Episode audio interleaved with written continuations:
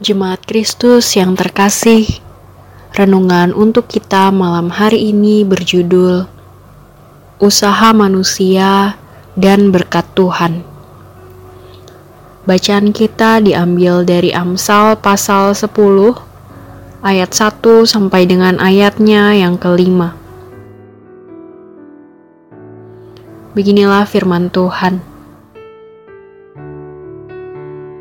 Amsal-amsal Salomo, anak yang bijak mendatangkan sukacita kepada ayahnya, tetapi anak yang bebal adalah kedukaan bagi ibunya. Harta benda yang diperoleh dengan kefasikan tidak berguna, tetapi kebenaran menyelamatkan orang dari maut.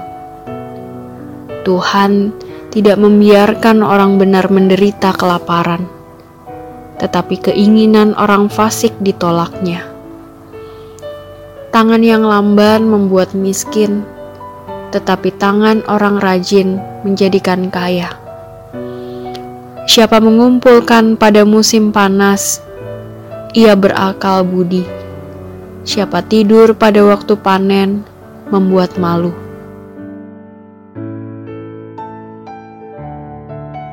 Ada dua hal atau dua kalimat yang sering kali diperdebatkan oleh banyak orang. Yang pertama, berkat itu sudah ada yang ngatur. Kita tinggal diam saja, nanti akan datang sendiri. Dan yang lain, usaha kitalah yang paling penting. Tuhan hanya menjadi pelengkap saja.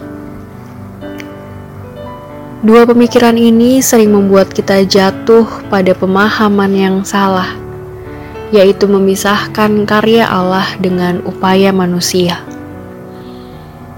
Padahal, kalau kita melihat apa yang dituliskan oleh Salomo dalam Amsal yang menjadi bacaan kita malam hari ini, ditunjukkan bahwa kehendak Allah adalah kunci penentu dari upaya yang sudah dilakukan manusia.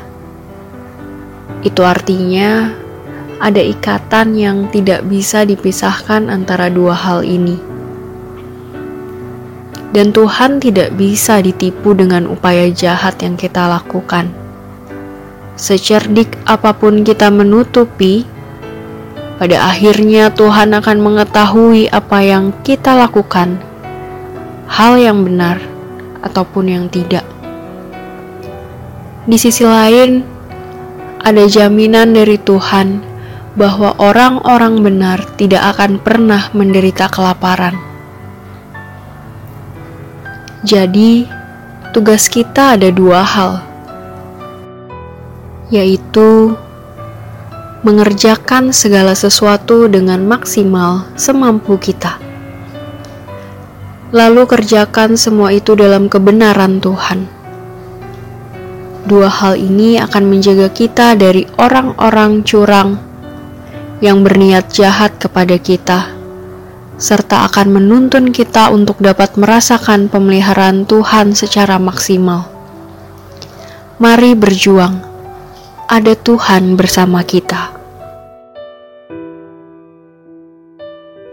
Demikianlah renungan malam ini. Semoga damai sejahtera dari Tuhan Yesus Kristus tetap memenuhi hati dan pikiran kita.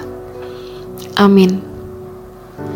Jemaat yang terkasih, mari kita bersatu hati menaikkan pokok-pokok doa yang ada dalam gerakan doa 21 GKI Sarwa Indah. Mari berdoa.